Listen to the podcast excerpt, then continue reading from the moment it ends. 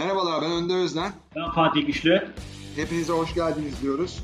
Logcode Podcast Medya İşbirliği ile gerçekleştirdiğimiz Fikri Mülkiyet ve Bilişim Hukuku Podcast serimize hoş geldiniz. Ee, bugün marka e, konusunu işleyeceğiz. E, marka ile ilgili özellikle markanın ne olduğu, fonksiyonları, e, nelerin marka olabildiği ama daha çok güçlü ve zayıf marka e, ve tanınmış markalardan bahsedeceğiz. E, ve daha çok pratiğe yönelik e, bilgiler vereceğiz. Tecrübelerimizi aktaracağız ve bize bu konuda tecrübelerini aktarmak üzere e, çok sevdiğimiz e, meslektaşımız e, Nevin Öner eşlik edecek. E, Nevin'ciğim hoş geldin. Hoş bulduk Önder Bey. Merhaba Fatih Bey. Merhabalar, hoş geldin Nevin'ciğim. Hoş bulduk. Nevin'ciğim ben kısaca senden bahsetmek istiyorum. Ne, Nevin 2010 yılında Koç Üniversitesi Hukuk Fakültesinden mezun oldu. Sonra e, Roma'da La Sapienza Üniversitesi'nde e, çalışmalar yaptı. Yine Oxford ve Cambridge Üniversitelerinin ortak düzenlediği bir programda yine aynı şekilde dersler aldı. Daha sonra e, Max Planck Enstitüsü'nde yine e, George Washington Üniversitesi, Münih Teknik Üniversitesi ve e, Augsburg Üniversitesi'nin ortaklaşa hazırlayıp düzenlediği Fikri Mülkiyet ve Rekabet Hukuku Yüksek Lisans Programı'na başladı ve 2019 yılında patentlerin koruma kapsamının sınırlanması konusunda yazdığı yüksek lisans teziyle bu programdan mezun oldu. Kendisi 2012 yılından beri avukatlık yapıyor. Şu anda serbest avukatlık yapıyor. E, bizim de üyesi olduğumuz Fikri Mülkiyet Hakları Koruma Derneği EIPPA Türkiye'de kendisi çok faal bir üye. E, benim de moderatörlük yaptığım mevzuat ve iştahatları izleme ve derleme çalışma grubunda da çok aktif birlikte çalıştık, çalışıyoruz. Bunun dışında da temel çalışma ve uzmanlık alanı fikir ve sanayi haklar ile ticaret hukuku. Bunun dışında da ceza hukukuyla ve mülteci hukukuyla da ilgileniyor. Pro bono hizmet veriyor. Bunlar bence çok önemli. Daha idealist bir hukukçu e, bu anlamda bakarsak. Bunun dışında da fikri mülkiyet alanında yazdığı makale ve yazılar var. Çeşitli dergilerde yayınlanmış ve çeşitli ulusal ve uluslararası seminerlerde konuşmacı olarak e, davet alan bir isim. Nevin'cim ben e, kendinden sen istersen bahsedebilirsin e, ve e, başlangıç olarak ve marka ile ilgili e, bir girizgah yapabilirsin. Aklına gelen böyle basic şeyleri e, e, verebilirsin. Sonra daha çok güçlü ve zayıf markalara ve tanınmış markalara girebiliriz. Ben sözü sana bırakıyorum. Fatih'cim senin eklemek istediğin bir şey var mı Nevin başlamadan? Yok gayet e, güzel bir başlangıç oldu. E, Nevin de e, sevdiğimiz ve başarılı bir meslektaşımız. İçinde yer almış olduğu eğitim programları da son derece değerli ve kıymetli. E, inşallah hep birlikte güzel bir programa imza atacağımızı düşünüyorum. Tamam. Nevin'cim söz sende. Ee, öncelikle çok teşekkür ederim. Hem davetiniz, davetiniz için hem de bu güzel e, girizgah için. İkiniz de benim için çok değerlisiniz ve çok güzel çalışmalar yapıyorsunuz e, bu alanda. O yüzden çok kıymetli. Bu program da çok kıymetli. E, umarım öğrencilere hitap ettiği için veya yeni, yeni mezun meslektaşlarımıza hitap ettiği için e, çok daha kişi fikir mülkiyeti çekebiliriz. Ve çok zaten kaliteli olan ortamımızda e, yine kaliteli avukatlarla, kaliteli meslektaşlarla beraber devam ederiz e, diye düşünüyorum. Umarım bu yönde bir katkısı olur. Benim için söyledikleriniz zaten yeterliydi. Ben sadece kısaca belki şeye değinebilirim. Fikir mülkiyete başlama serüvenime çok kısaca değinebilirim. Çok iyi olur. Sağ ol. Ben hep böyle ceza hukuku ve insan hakları çalışmak üzerine hukuk eğitimine başlamış biriyim. O yüzden fikir mülkiyet bana çok böyle uzak gelen bir alandı. Ama işte sanatla, edebiyatla ilgisi olması nedeniyle böyle telif hakları, copyright belki ilgimi çekiyordu ben üniversitedeyken. Ee, sonrasında ceza hukuku ile ilgili başlamayı düşündüm. Ofislerle bir uyum sağlayamadım vesaire. Öyle olunca da fikir mülkiyeti deneyeyim dedim. Çünkü daha entelektüel bir alan diye düşünerek.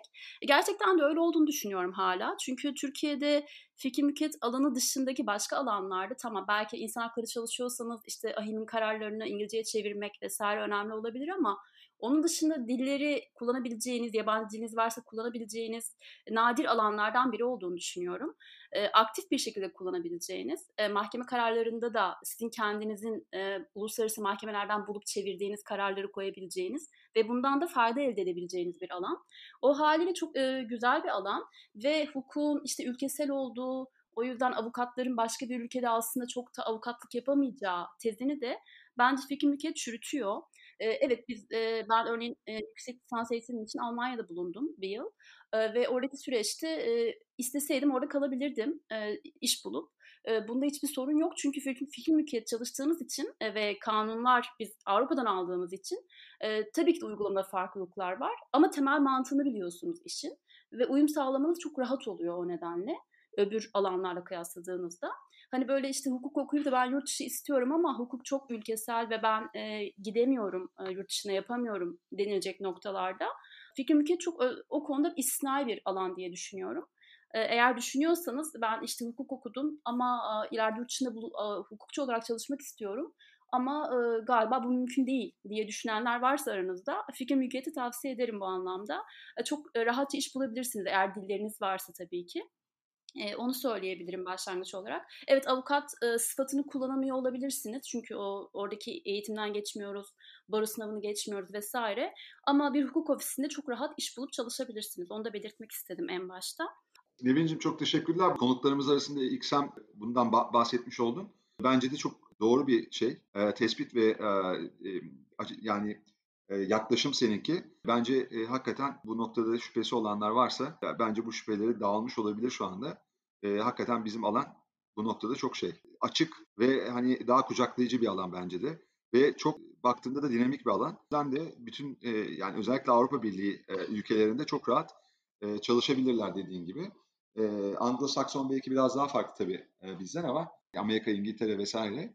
E, ama e, yine de kıta Avrupası hukukunun olduğu e, şey uygulandığı, e, yürürlükte olduğu bütün ülkelerde bence senin dediğin gibi rahatlıkla buradan e, mezun olup avukat olmuş meslektaşlarımız e, çalışabilirler. Bu alanı eğer seçerlerse hakikaten doğru söylüyorsun. Evet kesinlikle öyle ve yani İngiltere şimdi tabii Avrupa Birliği'nden ayrıldı vesaire ama öncesinde orası da mümkündü. Çünkü aynı mevzuatı uyguluyorlardı. O aile tüzüklerine uymak zorunda oldukları için. Tabii şimdi birazcık daha zor. Bir de fikri mülkiyetle ilgili belki iki şey daha söylemem, söyleyerek sonra markaya giriş yapabilirim. Birincisi fikri mülkiyet böyle ben işte insan hakları çalışmak istiyordum dedim. Oraya bağlayayım. Çok da uzak bir alan değil. Zaten mülkiyet hakkı çerçevesinde değerlendiriliyor ve Avrupa işte insan hakları sözleşmeleriyle de korunan bir alan. O nedenle insan hakları çalışmak istiyorum ben ama fikri mülkiyet çok uzak diye düşünmemek de gerekiyor. Çok ilginç bir alan. Kamuyu da çok ilgilendiren tarafları var. İşte şimdi bu pandemi nedeniyle patent ve aşı zorunluluğu, fikri haklar askıya mı alınmalı tartışmalarında bunu çok net bir şekilde görüyoruz. Ben e, fikri mülkiyet çalışmaya karar vermeyi şöyle düşünmüştüm. E, evet belki e, tabii o dönem çok daha idealist veya çok daha e, hayatı daha farklı bak. Şimdi şu anda da çok uzak değilim o noktadan ama hani o dönem birazcık daha şirketleri sadece zengin etmek için olan haklarmış gibi görüyordum. Ama yıllar içinde şirketlerin bu hakları elde etmek için verdiği emeği de görünce gerçekten bir denge olması gerektiğini anlıyorsunuz. Ama o dönem daha şey bakıyordum. E, hayır ben şirketleri daha da zengin etmek için çalışmayacağım. İşte bu TRIPS'teki şu an aşılarla, ilaçlarla ilgili olan istisnalar gibi Afrika ülkeleri için özellikle olan istisnalar daha da genişlesin diye bu alanda çalışabilirim. Böylece aslında kamudan alınan bir şey kamuya geri vermek yönünde de çalışılabilir diye başlamıştım. E, hala birazcık o görüşteyim de ama dediğim gibi yıllar içinde e, ne kadar emek verildiğini gördüğünüzde bu hakları elde etmek için e, gerçekten bir denge olması gerektiğini görüyorsunuz. O yüzden kamu tarafı da çok ağırlıklı basan bir alan. Hani ben kamu çalışıyorum, fikir mülkiyet bana çok uzak gibi değil. E, kamu yararı ve özel hukuk e, dengesinin belki de en çok tartışıldığı alanlardan biri. O yüzden kamu çalışıyorsanız bile fikir mülkiyet bence e, ayağın, bir ayağınızın olması gereken bir alan diye düşünüyorum bir onu belirtecektim. Bir de son olarak da bu fikir mülkiyet hani Önder Bey de Fatih Bey de çok iyi bilir. Çok ilginç bir alan. Çünkü aslında çalışma arkadaşlarımız sadece hukukçular değildir. Mühendislerle çalışırız biz yeri gelir. Yeri gelir reklamcılarla çalışırız. İşte marka söz konusu olduğunda nasıl markamızı tanınmış hale getirebiliriz diye. Marka danışmanları vardır bu konuda, marka elçileri. Hani birçok farklı alanda mimarla çalışırız, yeri gelir işte yazarla çalışırız. Çok farklı alanlardan insanlarla böyle bir ekip halinde çalışırız çalışmanız gereken bir alan. E, müvekkiliniz, e, müvekkiliniz, müvekkilleriniz de böyle insanlar olduğunda bir şekilde çok e, öğretici bir alan o konuda da. Hani hukukun bu işte hukuk sıkıcı dediğimiz, belki insanlar öyle düşünür. Öyle düşünüyorsanız da fikir mülkiyet bence çok e, önemli bir alan. E, çok e, eğlenebilirsiniz yani e, insanlarla konuşurken.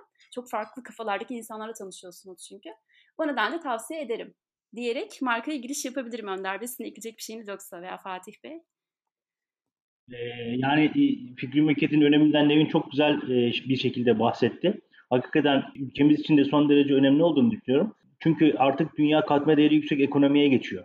Yani e, diğer ülkelerin rekabet kat sayısı ister istemez katma değeri yüksek ekonomiyle sağlanıyor. O yüzden de ülkemizin de fikri mülkiyet alanında gereken gelişimleri ve gerekli yasal düzenlemeleri daha iyi hale getirebilmesi e, katma değeri yüksek ekonomiye geçişimizi e, kolaylaştıracak ve destek, destekleyecek diye düşünüyorum ben. O yüzden de e, yani bugün döviz kuru olsun bunun aslında e, nedenlerin altında temel nedeni bizim fikri mülkiyet hukukuna gerekli önemi veremememiz ve bu bilincin ülkemizde yaygınlaşamaması diye düşünüyorum. Genç meslektaşların bu alana duyacakları ilgi de inşallah bu bilincin gelişmesi konusunda ülkemizde yaygınlaştırıcı bir etki sağlayacaktır kanaatindeyim. O yüzden de Nevin'e bu değerli açıklamalar için ben e, teşekkür ediyorum. Ben de kısaca bir şey söylemek istiyorum. Burada e, özellikle başka mesleklerden uzman kişilerle ya da müvekkil e, sıfatıyla e, çalıştığımız şirket ya da e, insanlarla e, enteresan e, bir ilişkimiz oluyor hakikaten. Ben özellikle patentler konusunda mühendislerle çalışmanın çok enteresan olduğunu anlamıştım, e, e, ayırdına varmıştım. E, ilk başladığım zamanlarda bu patent e, uyuşmazlıklarıyla ilgilenmeye. Ve orada bir mühendis e, bizden çok farklı bakıyor aslında. E, daha analitik bakıyor. Biz de tabii analitik bakıyoruz ama bizim daha farklı açılardan değerlendirdiğimiz de doğru e, şeydir, va, bir e, vakadır. Ama e, her halükarda e, biz hukukçu olsak bile e, background'ımızda patent yani mühendislik olmasa bile biz e, anlamak için buluşları ve e, patent sahiplerinin e, murad, muratlarını bir şekilde o ürünü ya da işte üretim yöntemini vesaire ilaçlarda da bu keza böyle formülasyonları, kimyasal e, şeyleri anlamak zorundayız ve bunları da süreç içerisinde öğreniyoruz e, ve hiç aklımıza gelmeyecek e, teknik bilgilerle do, e, donanıyoruz ve e, mühendislerle de birlikte dilekçeler yazıyoruz, e, istemler değerlendiriyoruz, ilan analizleri yapıyoruz falan. Çok enteresan hiç aklınıza gelmeyecek yani mühendislik bilgileri donanmış bir hukukçu e, haline gelebiliyorsunuz. Bu açıdan da Nevin e, bence önemli bir şey e, yine parmak bastın. E, bu anlamda da ben bizim alanın e, yani sadece mesleki e, ve hukuki bilgili bilgi değil, e, mesleğin dışında da çok fazla bilgiyi bilgi ev sahipliği yaptığını düşünüyorum ve buna da çok açık olduğunu düşünüyorum.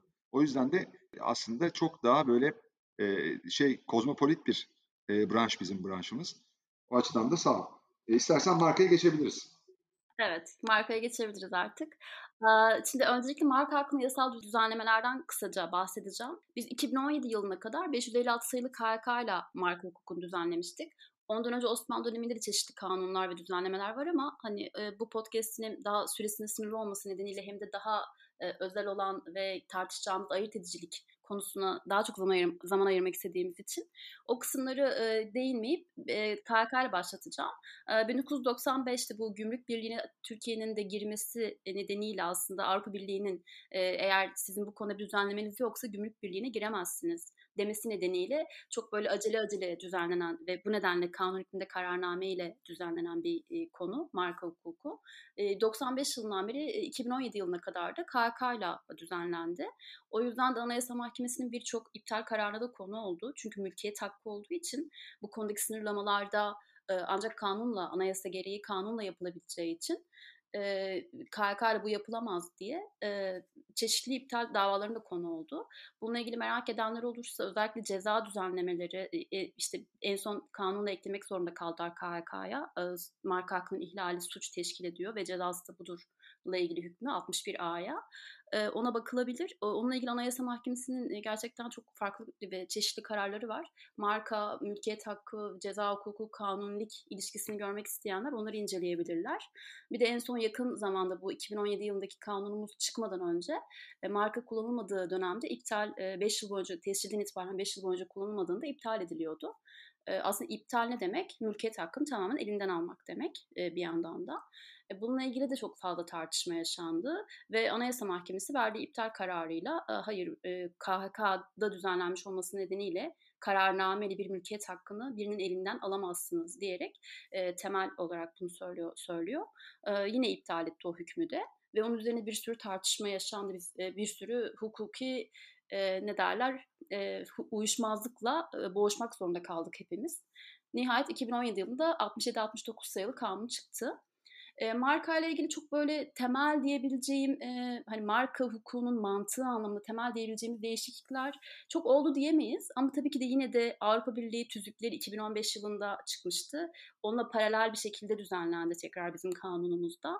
E, neredeyse birebir aldık Avrupa Birliği tüzüğünü biz de kanunumuza. Birkaç farklılık var tabii ki de Türkiye'nin özel şartlarından dolayı. Ama temelde aynı e, gidiyoruz Avrupa Birliği ile bu konuda. E, şu anda marka hukukunu 67-69 sayılı kanun ve buna bağlı yönetmeliklerle düzenliyoruz diyebiliriz. E, bununla ilgili ikinci sorumuz marka nedir sorusu. E, aslında marka e, biraz e, bu diğer sınai haklardan işte patent, tasarım e, veya e, fikri, fikri haklar diyebileceğimiz telif haklarından biraz farklı bir e, konu. Çünkü normalde biz fikri mülkiyette yaratıcılığı koruruz. E, yaratıcılık temeldir ve yaratıcılık sonrasındaki o yatırımı da koruruz. Ama yaratıcılığa ya yaratıcılığı teşvik etmek için e, o yatırımı koruruz aslında. E, böylece insanlar yaratmaya devam etsinler diye. Marka bu anlamda çok istisnai bir yerde duruyor. Çünkü aslında markada bir yaratıcılık yok. Biz markayla aslında yatırımı koruyoruz temelde. Şirketlerin o yatırımını koruyoruz ve tüketicilerin de daha daha az zaman harcayarak istedikleri ürüne ulaşmalarını sağlamaya çalışıyoruz. E, markadaki temel mantık bu. O yüzden yaratıcılık e, markayı ilgilendiren bir husus değildir. Tabii ki de yaratıcı bir marka üretirseniz daha fazla korunur vesaire. O sonrakinin e, tartışması. Ama e, marka temelde yatırımı koruyan bir şey. Bunu bilmeliyiz. O yüzden de markanın tanımı yapılırken marka bir teşebbüsün malını ve hizmetini öbür teşebbüsün malından ve hizmetinden ayıran işaret deriz. Yani tanımı bu şekilde yaparız. Yani marka nasıl ki ticaret unvanı, ticaret hukuku derslerinden hatırlarız hepimiz. Ticaret unvanı şirketleri birbirinden ayırıyorsa, bir şirket öbür şirketten ayırıyorsa, markada bir şirketin ama teşebbüs diyoruz şirket değil e, teşebbüs diye geçtiği için e, undertaking diye geçiyor tüzükte Avrupa Birliği tüzüğünde o yüzden bizde de e, teşebbüs diye çevriliyor bu. E, bir teşebbüsün e, ürettiği malı veya verdiği hizmeti e, diğer teşebbüsün verdiği mal ve hizmetten ayıran şeye marka diyoruz temelde. Ayırt edicilik fonksiyonu da buradan geliyor aslında. Eğer bir marka bir şirketin verdiği malı ve hizmeti ayırabiliyorsa öbüründen bu noktada ayırt ediciliği daha yüksektir. Ne kadar ayırabiliyorsa o kadar ayırt ediciliği daha yüksektir diye bakarız. E, markanın temel işte e, kanunlara baktığımızdaki tanımı e, dediğim gibi e, ayırabilme özelliğidir. Ayırdığı şey nedir? Mal ve hizmettir. Şirketin kendisi de değildir veya herhangi başka bir şey değildir. Mal ve hizmeti ayırır. Bununla ilgili birçok düzenleme var e, zaten. Bizim kanunumuzda da dördüncü maddeye bakarsanız bunun açıkça düzenlenmiş olduğunu görürsünüz. Ee, belki burada bir e, şeyden ya da marka hakkında sonra da girebilirim. Ticaret unvanında bahsettim zaten. Ticaret unvanı şirketleri ayırırken marka dediğim gibi malı ve hizmeti ayırır. O yüzden bunların birbirine karıştırılmaması gerekiyor. E, ama ticaret unvanı ile markanın e, bizim hukukumuzda da karşı karşıya geldiği yerler var. Örneğin birinci ticaret unvanını aynı anlık marka olarak kullanabilir misiniz? Demin ne dedik? Aslında ikisi farklı şeyler dedik. O yüzden aslında e, alınıp kullanabiliyor olması beklenir. Ama öyle değil çünkü ticaret unvanıyla çok ön plana çıkan şirketler olabiliyor. Ve o noktada o ticaret unvanı da ayırt edici hale gelebiliyor artık. E, öyle ol, olan durumlarda öncelik hangisindeyse yani e, öncelik ticaret unvanındaysa bir ticaret unvanı varsa bir e, şirketin o marka tescilini engelleyebilir. Bu ayrı bir tartışma konusu. E, onun dışında e, kısaca marka türleri ve fonksiyonlarını söyleyebiliriz belki. Ki en çok tartışma aslında marka türlerinin üzerinden dönüyor. Dünyada da böyle, Türkiye'de de e, gitgide böyle oluyor daha çok. Bizim e, geleneksel marka formları dediğimiz markalar var. İşte işaret, e, bunlar kişi adları, sözcükler, harfler, sayılar gibi geleneksel marka formları dediğimiz e, marka formları. Bir de geleneksel olmayanlar var. Bunlar renk, şekil, koku, tat gibi işaretler. Artık bunlar da tescil edilebiliyor. Bunların hepsi günümüzde teknolojinin de getirdiği olanaklardan faydalanarak tescil edilebiliyor. Yeter ki siz bunu marka sicilinde gösterebiliyor olun bir şekilde. İlla çizim, çize, çizerek değil, herhangi bir şekilde gösterebiliyorsanız eğer o zaman marka olarak korunabilir e, bu 556 sayılı KHK döneminde yani 2017'den önce bizim KHK'mızda da şey vardı çizimle görüntülen görüntüleneme şartı vardı. Ama Avrupa Birliği bunu kaldırdı kendi tüzüğünden 2015'te e, teknolojik gelişmelere uyum sağlamak için. E, o bunu kaldırdığı için e, tabii Türkiye'de onu takip ederek 2017 yılında bunu kaldırdı ve şu anda tek e, istediği şey sicilde gösterilebilir olması. E, çizim olması şart değil. E, tabii orada bir sürü tartışma var. İşte kokuyu nasıl, e, mesela parfüm kokusunu tescil etmek istiyoruz diyelim ya da e, çim kokusunu nasıl korunacak bu kokuyla ilgili, nasıl saklanacak? Bunlarla ilgili e, tartışmalar var. Ama mevzuat e, sınırlama getirmemiş. Ya her türlü işaret marka olarak tescil edilebiliyor. E, onu söyleyebilirim. Ses markası da var. Ses markası da var. Üç boyutlu markalar da var tabii, tabii burada. Tabii. Üç boyutlu markalar tabii ki. E, ses markaları. Ses markaları nispeten birazcık daha e, kolay gibi düşünülebiliyor o, o. Şey gibi işte notası çizilebilir mi acaba deniliyor. Hani ses markaları olduğunda. Notayla göstersek olur mu? E, işte bununla ilgili ülkeler farklı kararlar veriyorlar. Ya da işte bir stick, USB stick içinde sunsak bunu gibi şeyler de var ama e, sicilde gösterilme şartı o zaman yerine gelmiş olur mu gibi tartışmalar olacak o zaman da. sicilde gösterilebilir olması niye önemli? Çünkü e, hukuki güvenlik ilkesi gereği önemli bu aslında. Yani bir kişi bir sicile baktığında onun mark olarak tescil edildiğini görmeli ki oradan kaynaklanan hakları ihlal etmesin. Yoksa gidip ihlal eder. Ama siz sicilde bunu göstermezseniz e, bu sefer insanlar o marka ihlal, markadan kaynaklanan hakları ihlal edip etmeyeceklerini bilmiyor olacaklar. Bilmedikleri için de bir hukuki güvensizlik ortamı yaratılacak. Bu nedenle sicilde göstermek önemli aslında. Yani şu, şu aşamada e, sınırlı bir sayma yok. E, her türlü işaret marka olarak korunabiliyor. E, günümüzde kaynak gösterme fonksiyonu artık çok önemli değil maalesef. Çünkü işte önceden siz İtalyan bir firmanın ürününü aldığınızda e, bilirdiniz ki e, İtalyan malzemeler kullanılarak İtalya'da üretildi bu ürün. Ama şimdi ne yapıyoruz? İşte e, etiketlere baktığımızda e, İtalyan bir firma ama Endonezya'da üretmiş ya da Türkiye'de üretmiş bunu. E, acaba e, Endonezya'daki malzemeler kullanılarak mı üretildi yoksa Türkiye'deki yoksa İtalya'dan mı malzeme gönderildi gibi birçok bir soru var. Hani o yüzden kaynak gösterme fonksiyonu artık e, günümüzde anlamını yitiriyor. Çünkü ucuz iş gücü nedeniyle farklı ülkelerde üretimler yapılıyor. E, ayırt etme fonksiyonu hala markanın temel fonksiyonu. Ayırt edemiyorsa e, bir marka bir, bir şirketin mal ve e, mal ve hizmetini zaten marka olarak e, kabul etmiyoruz onu. Ayırt ediyor, edebiliyor olmalı. E, reklam ve yatırım fonksiyonu bu e, aslında biraz e, şirketin ya da marka sahibinin ne kadar bütçesi olduğu ile ilgili bir şey.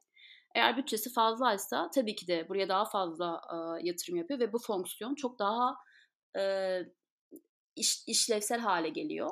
Ya aslında bir markayı korumak, o yatırımı korumak demek. E, o marka yaptığımız yatırımı korumak anlamına geliyor.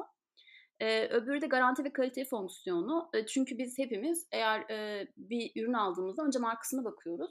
Bu daha önce bildiğimiz bir markaysa e, daha az zaman harcayarak, daha gözü kapalı bir şekilde ürünü almayı tercih edebiliyoruz. Bu da markanın garanti ve kalite fonksiyonundan kaynaklanan bir fonksiyon. En önemli getirisi de dediğim gibi tüketici kısmı da var burada. Tüketici, e, tüketicilere zaman kaybettirmiyor. Markanın bir e, önemli e, amacı da o. Daha search cost dediğimiz hani bu çünkü o da bir maliyet. Zaman da bir ekonomik değer neticede ve bir, bir ürünü almak için kaybettiğiniz zaman da bir maliyet. O nedenle de e, buradaki amaç o maliyeti de azaltmak, search cost dediğimiz şeyi.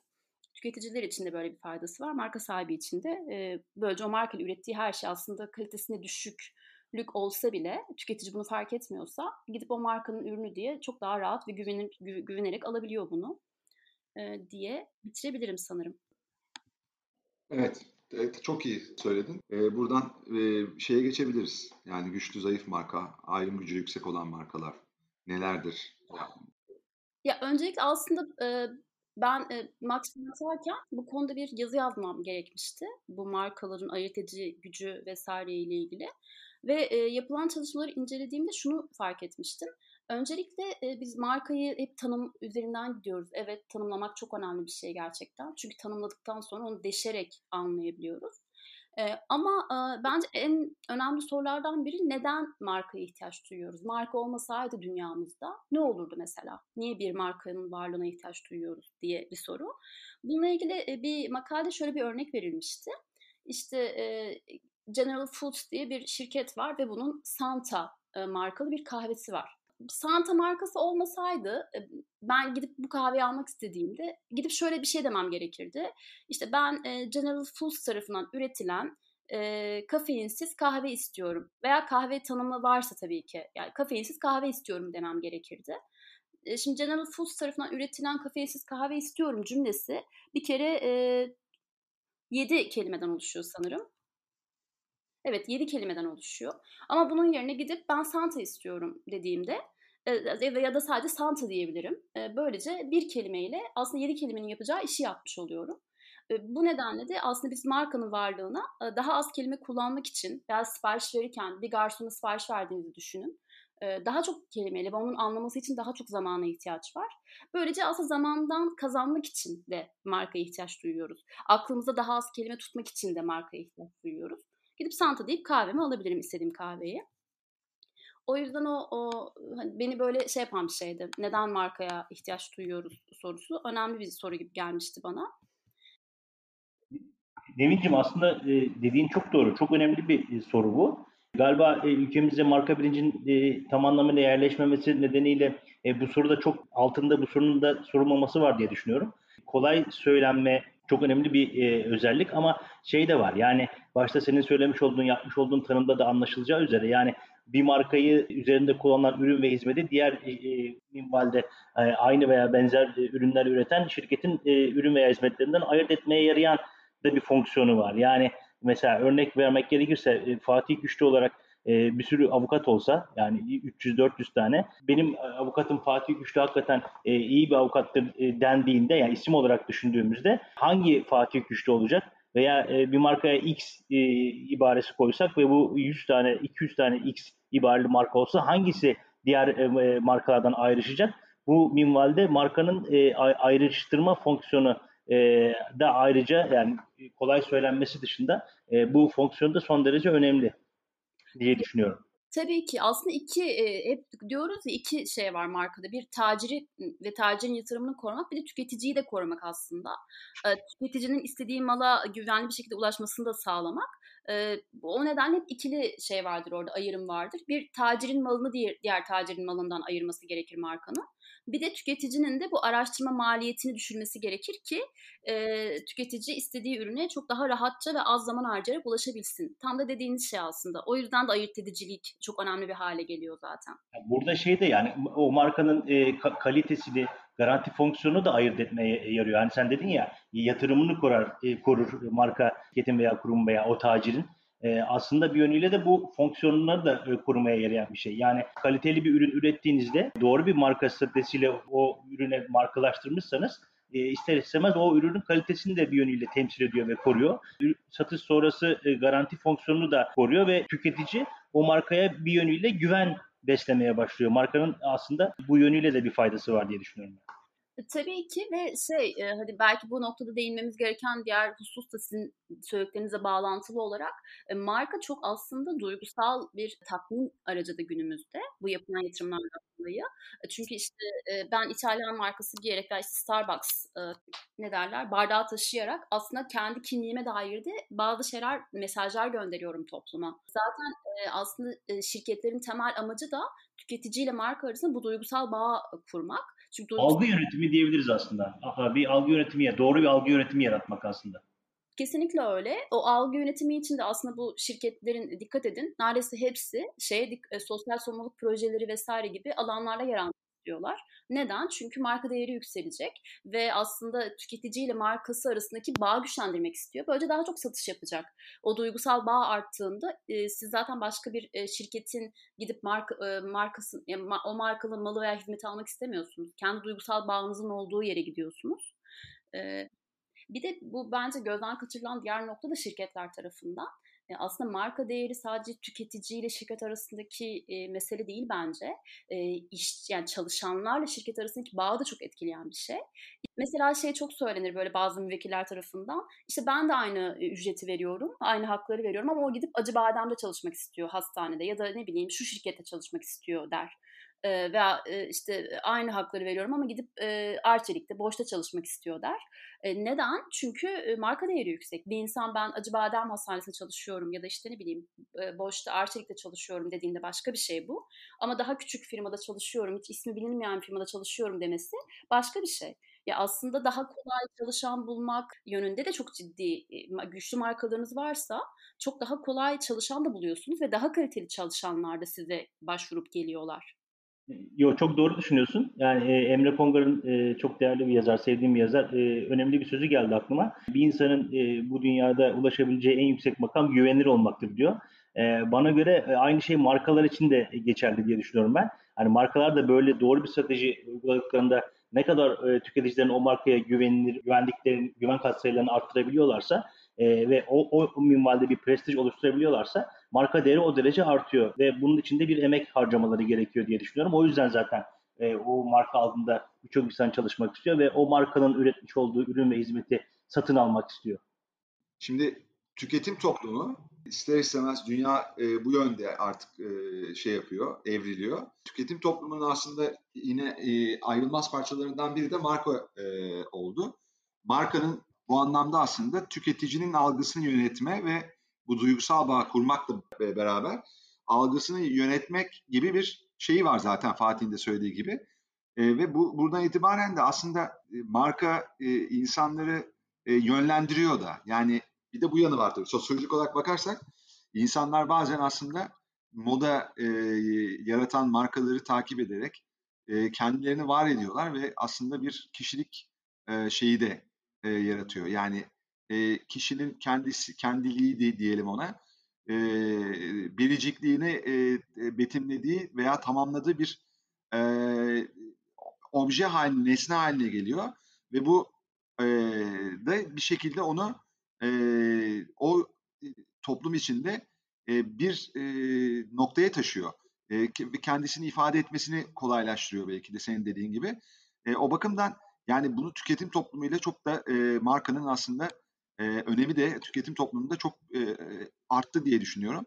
E, sosyolojik açıdan da ben bu eklemeyi yapmak istedim. Evet, çok çok haklısınız. Zaten aslında kurumsal kimlik dediğimiz işte e, kurumsal kimlik dediğimizde e, hepimizin aklına aslında marka geliyor önce. Fark etsek de etmesek de e, ve e, bu en son yapılan bir araştırma vardı. E, JP Morgan'ın bir araştırmasıydı ve e, aslında şirketlerin e, değerinin e, üçte birinin markadan kaynaklandığını söylüyordu ki bazı şirketler bu çok daha yüksek. O yüzden ve markanın temel amacı şirketler tarafından müşteri sadakati. Yani bir müşteri sadakatini sağlamaya çalışıyor temelde. Çünkü marka değerini artıran şey aslında müşteri sadakati. O yüzden güvenilirliğiniz her şeyde ne kadar müşteri size sadıksa o kadar güvenilirsiniz demek oluyor aslında. O yüzden dediğin şey çok doğru. Yani marka böyle tüketim toplumunun görünen en önemli işareti bence diye düşünüyorum. O noktada ayırt edicilikten devam ediyorum o halde ben ayırt edicilikten ne kastettiğimizden. Şimdi ben bu Max Planck'taki çalışmaya kadar hep böyle şey diye düşünürdüm. Çünkü bizim önümüze gelen davalarda hep aynı şeyi tartışırız. Ayırt edicilik ne kadar yüksekse marka o kadar korunabilir. O yüzden tanınmış markalarda normalde biz e, markalarda sınıf sistemimiz vardır. NIS sınıflandırması. 45 sınıf vardır. Ve marka normalde e, şey zannedilir böyle. Bazı müvekkiller gelir. Benim markam var işte öbürü de gitmiş almış. Bakarsınız tamamen farklı sınıflardır. E, ve şey anlatmaya çalışırsınız. Hani siz bir kelimeyi marka olarak teşkil ettirdiğinizde bu bütün e, alanlarda korunmuyor. Sizin sadece o hangi sınıfta teşkil aldıysanız o alanda korunuyor markanız. Onu anlatmaya çalışırsınız kendisine ve e, o da o zaman ben gidip 45 sınıfta başvuru yapmak istiyorum der. Bununla ilgili de çünkü koruma kapsamını çok genişletmek istiyorlar. Bununla ilgili iki husus önemli burada. Bir ayırt ediciliği yüksek bir markanız varsa, buna biz fantezi markası deriz. Kitaplarda da öyle geçer. Hani tamamen kafadan sizin uydurduğunuz, yarattığınız bir marka gibi. O noktada başka birisi taklit ettiğinde o ta, onun taklit olduğunu ispatlamak çok kolaydır. Çünkü e, şey gibi olur ya bu yazılımları korumak isteyen e, işte yazılım e, mühendisleri o yazılımı yazarken e, içine aslında hiç alakasız kodla ilgisi olmayan bir şey de koyar. E, aslında komut değildir o. Ama böylece e, biri onu kopyaladığında aynı alıp kopyaladığı için o gereksiz unsur da oradaysa böylece sizin yazılımınızın kopyalandığını çok daha rahat tespit edersiniz. Çünkü o gereksizdir aslında orada. Bu da öyle bir şey. Yani markanız ne kadar böyle fantazi markaysa, kendi uydurduğunuz, yarattığınız bir markaysa başka birisi sizi taklit ettiğinde markanızı çok daha rahat korursunuz. Çünkü sizden aldığı daha kolay ispat edilebilir. Çünkü yoktu sizden önce bu. Sizin markanızdan önce. O yüzden daha rahat ispat edebilirsiniz. O yüzden bizim vekillere hep şunu tavsiye ederiz. Ayırt ediciliği yüksek markalar seçin. E, tanınmış bir markanız yoksa başka sınıflarda koruma almak e, zaten mümkün değil. Ama ayırt edici bir markanız varsa en azından e, başka ürünlerle ilişkilendirilme ihtimali burada belki artabilir. E, çünkü ayırt edicilik e, ne kadar ayırt ediciyse koruma kapsamı o kadar genişler e, markanın. Belki orada kötü niyet kısmını da ispat etmek daha kolay olabilir. Çünkü kötü niyetli bak gelmiş benim markamı almış. Yine sınıf önemli ama o ilişkilendirme ihtimalinde belki daha normalde e, koruma kapsamı dar olan, ayırt edici olmayan bir markada benzer değil denilebilecek bir durumda. Markanız ayırt edici ise e, koruma kapsamı genişlediği için e, davanız sizin lehinizde bitme ihtimali de daha çok artar. Dolayısıyla biz her halükarda ayırt edici markaları seçin deriz. Ayırt edici markadan kastımız ne peki? Bizim ayırt edici markadan kastımız aslında e, o mal ve hizmeti ne kadar e, size ait olduğunu, olduğunu ne kadar ispatlayabiliyorsa, ne kadar bu konu güçlüyse bu o kadar ayırt edici demektir. Bunun da aslında e, temel e, yolu o mal ve hizmeti işaret etmesi. O mal ve hizmetle aynı şey olması değil. Yani çakışmaması o mal ve hizmetle. Örneğin ben kahve için gidip e, kahve kolik ya da kahveyi içeren bir marka aldığımda bilmeliyim ki bunun ayırt edici yüksek, gücü yüksek değil. Neden? Çünkü o malla çakışıyor benim markam.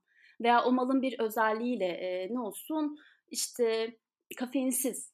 Mesela bu o malın bir özelliği. Kafeinsiz diye bir marka aldığımda bilmeliyim ki benim markamın ayırt gücü yüksek değil. Çünkü o malın bir vasfını açıklıyor. Bu nedenle ayırt gücü yüksek değil ayırt gücü yüksek olmadığı için koruma kapsamı da dar olacaktır. Başka biri de gidip kafeinsiz yazıp bir şekil koyarsa oraya, o şekil eğer ayırt edicilik veriyorsa o marka benimkinden ayırıyorsa Türk Patent bunu tescil ede- edebilir. Çünkü diyecek ki sen alırken zaten e, bu markanın bu şekilde olduğunu öngörebiliyor olmalıydın diyecek. E, böylece koruma kapsamının dar olduğunu e, öngörerek, bu riski alarak sen gidip markayı tescil ettirdin. E, şimdi ben de başkasına da e, seninkinden birazcık farklılaştırdığı için e, veriyorum bu markayı deme hakkına sahip olabilir bu durumda. O yüzden siz gidip kafeinsiz diye bir marka aldığınızda sevinebilirsiniz. Ama bilmelisiniz ki başkası aldığında da onu ufacık değiştirip onu engellemeniz çok zor olacak. Ayırt yüksek bir markaya göre. Biz o yüzden müvekkillere hep şunu tavsiye ederiz. Hani ayırt yüksek markalar alın. Mal ve hizmetten farklılaşan, bağımsızlaşan markalar alın. Hani o mal ve hizmette çok ilgili olmasın. Böylece daha rahat koruyabilelim markanızı deriz. Ayrıca zaten e, rakipler güç yani e, hani bu marka bilinci olan şirketler de zaten marka ilanlarını takip etmeliler marka bültenlerini. Ve böylece e, o ilanlarda aslında kendisinin kullandığı, mesela şey çok olur. Kendisi yıllardır kullanıyordur o markayı. Bir vasıf, yani o işareti diyeyim ya da kelimeyi bir vasıf belirtmek için. Örneğin kafeinsiz. İşte kahve firmaları yıllardır kafeinsiz ifadesini kullanıyorlar e, kahvelerini tanıtırken. Bir gün bir bakıyorsunuz iyi marka bülten, bültenine. Biri kafeinsiz e, kelimesini marka olarak tescil etmek istiyor ve e, Türk patenti bunu ilana çıkarmış olsun. E, çok aslında çıkarmaması beklenir ama yanına bir şekil koymuştur, farklılaştırmıştır onu. Türk patenti şöyle bakabilir, e, o da çok haksız değil. Üç, üçüncü kişiler de bir şekilde haklarını savunsunlar. Çünkü Türk patentin aslında yetkileri de bir yere kadar. Kamuyu koruyor evet. Hani böylece herkesin kullanabileceği bir kelimeyi sadece tek bir kişiye vermemeye çalışıyor. Ama yetkileri de bir yere kadar. Çünkü toplum da bu konuda uyanık olmalı, rakipler de uyanık olmalı ve gerekli itirazları yapmalılar. Ve bu itirazları yaptıklarında temel dayanakları iki tane oluyor aslında. Bir şey diyebilir, bu ayırt edici değil. Neden? Çünkü bu zaten kahvenin bir vasfını açıklıyor. Yani dolayısıyla burada marka değeri yok bunun. E, kafeinsiz de ben gördüğümde bunun kahveyi işaret ettiğini düşünmüyorum. Bir vasıf bu. İşaret etmiyor. Kendisi zaten çünkü. Hani bir şeyin kendisi olmak ayrı bir şey, ona işaret etmek ayrı bir şey. Markadaki en önemli e, mantık bu bence. Biz işaret etmesini isteriz. E, onunla çakışmasını istemeyiz. Daha güçlü korumak için. E, bir de işte bu bizim kanunumuzda e, olan e, bu ayırtıcılıktan yoksun 4.1b'de bakmak isteyenler bakabilirler. Bir de 4.1c'de bir maddemiz var bizim. Bu da işte bu ticaret alanında herkesin kullanabileceği bir işareti, bir kelimeyi başka birinin tek eline vermemek.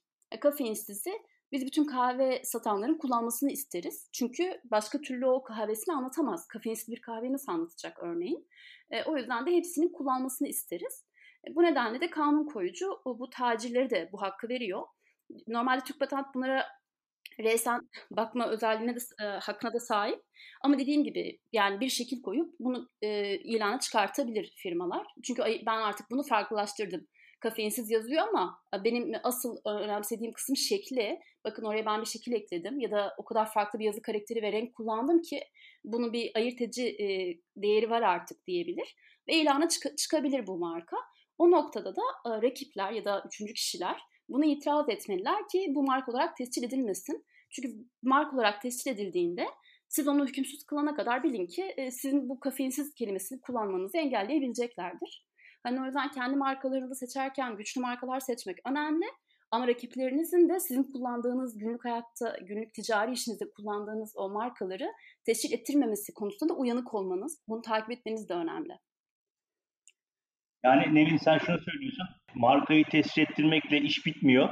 Yani doğru marka yaratmak evet önemli, tescil ettirmek önemli, korumak önemli. Ama bundan sonra da, tescilden sonra da e, o markayı da e, rakipler bazında takip etmek, e, bir yönüyle yönetimini de sağlamak da önemli diye e, söylüyorsun diye anlıyorum ben. E, çok da doğru söylediğini düşünüyorum bu noktada. E, ne, burada şeyi ek, ekleyelim. Şimdi burada e, demin söylediğin o kafeinsiz örneğinde e, şimdi e, temel şöyle bir kural var. E, belki değinecektir ama e, ben e, soru şeklinde değil de e, şey olsun diye e, yorum şeklinde e, şey, araya girmek istedim. Şimdi burada e, markayı oluşturan iki tane unsur var aslında. Bir tanesi asli unsuru, diğeri de tali unsur dediğimiz ikinci unsuru.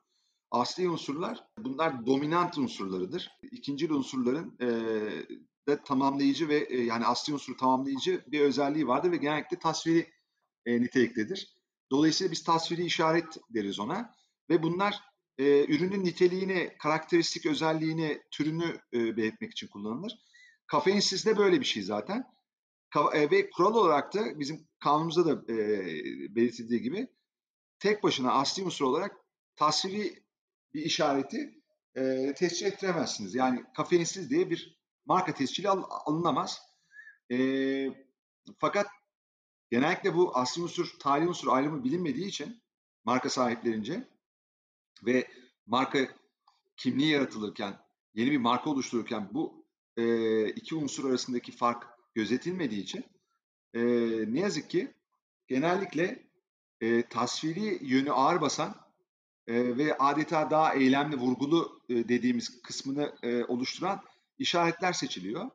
İşte kahve dünyası, simit sarayı gibi ve bunlar da e, senin dediğin nedenlerden ötürü başka e, şirketler tarafından işte kahve diyarı, kahve e, e, işte deryası gibi e, başka başka marka e, başvurularına, tescillerine konu ediliyor. Bir takım küçük e, ayırt e, edici, ay, ayırıcı ekler yapılarak senin e, söylediğin gibi e, bu, bu e, üçüncü kişilerin marka başvuruları kabul edilebiliyor. Yani burada temel olarak ben e, şunu söylemek e, istedim.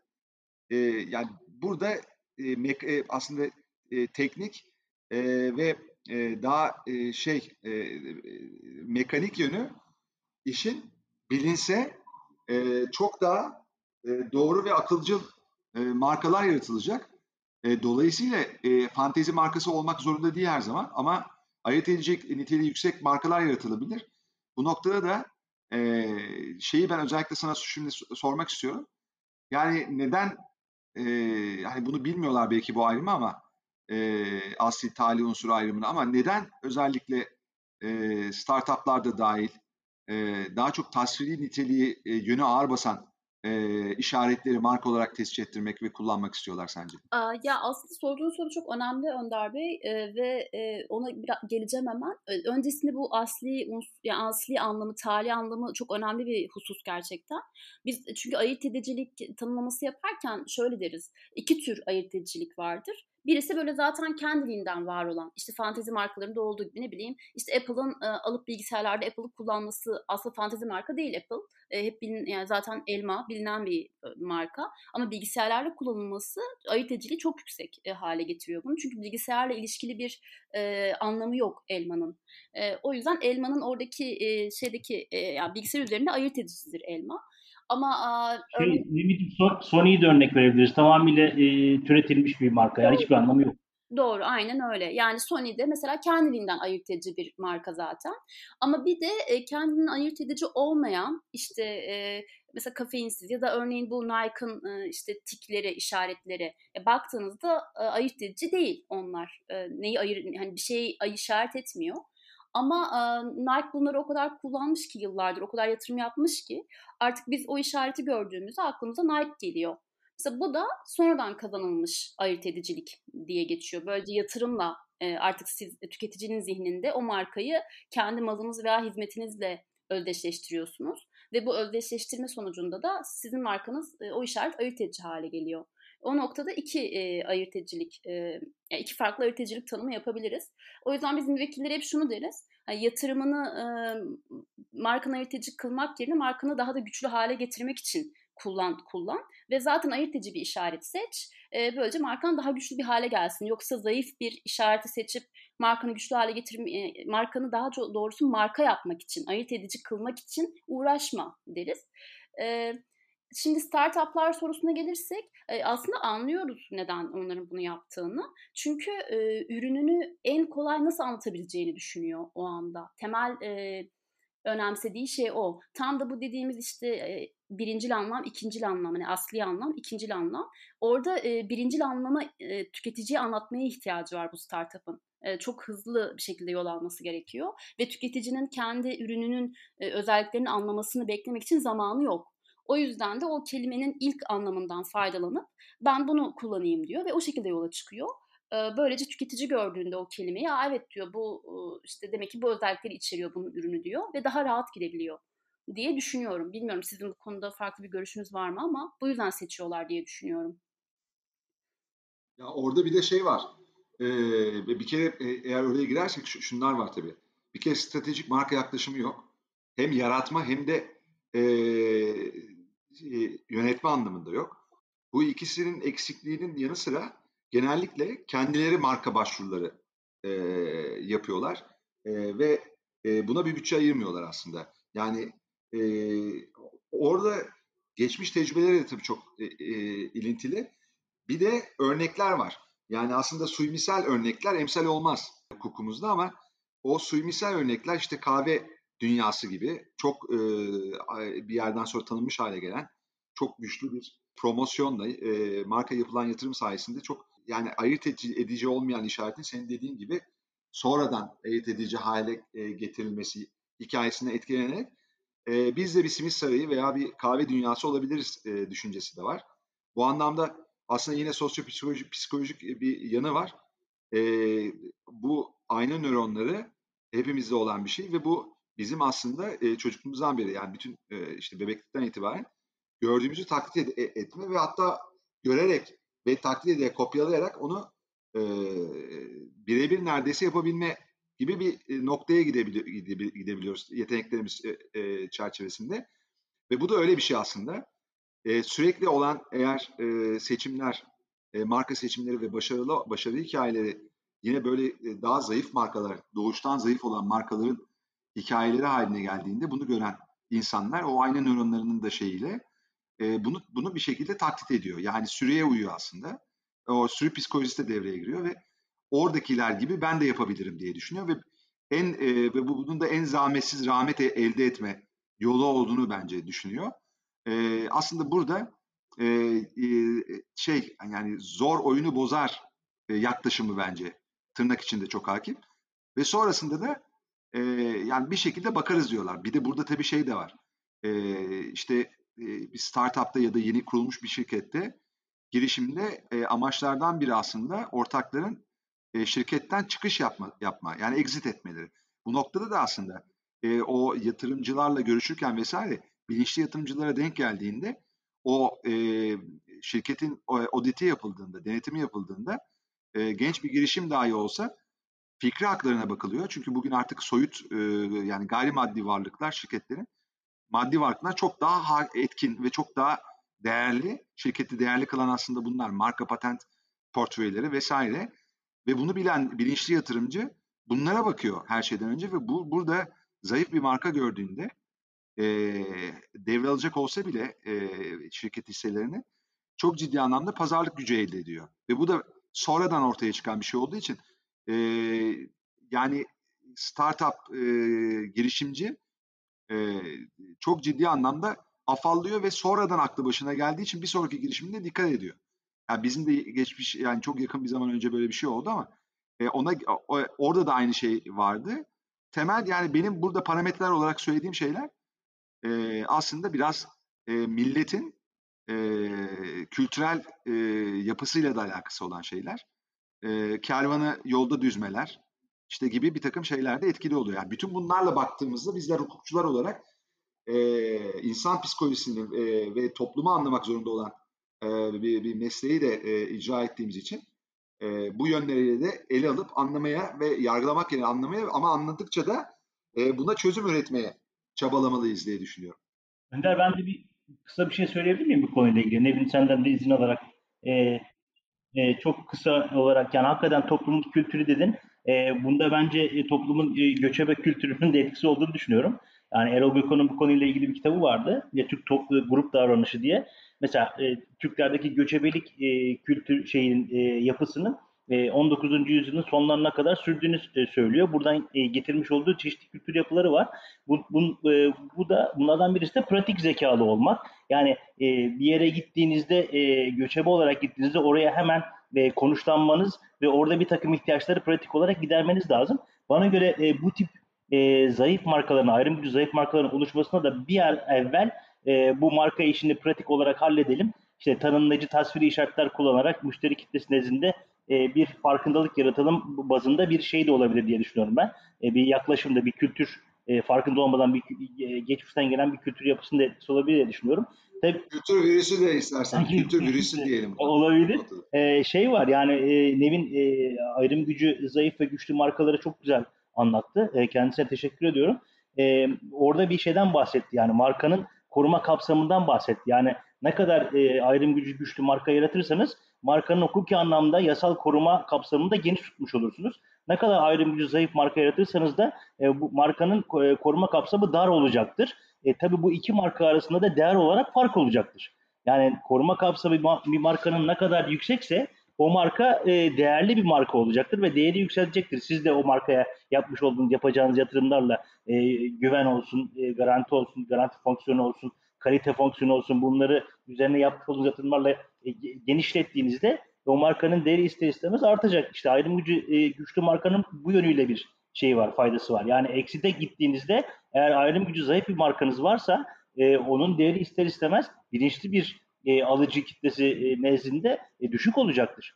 E, bir de son kez e, son bir konuyla ilgili bir şey daha söylemek istiyorum. Bazı markalar da bazı sektörlerde ayrım gücü zayıf marka sektörün getirileri dolayısıyla ayrım gücü zayıf marka seçmek zorunda kalıyorlar. Mesela bazı bilgisayar oyunları bu yönde yani tüketiciyi bir an evvel etkileyip o oyunun içeriğinin ne olduğunu tasvir olarak tanımlamak gerekmesinden dolayı ayrım gücü zayıf marka kullanıyor veya e, bankaların e, kampanyaları oluyor. Çok gelip geçici şeyleri olduğu için e, orada e, bu marka yaratımı konusunda uğraşılmayarak e, bir takım tasviri şeylerle e, markalar yaratılarak e, o kampanyalar e, bir an evvel tüketici bunun farkına varsın ve e, bu hizmetten yararlansın diye e, o minvalde oluşturuluyor. Bunu da antiparantez e, ekleyeyim dedim. Yani sektöre göre de bu marka oluşumu e, fark arz edebiliyor.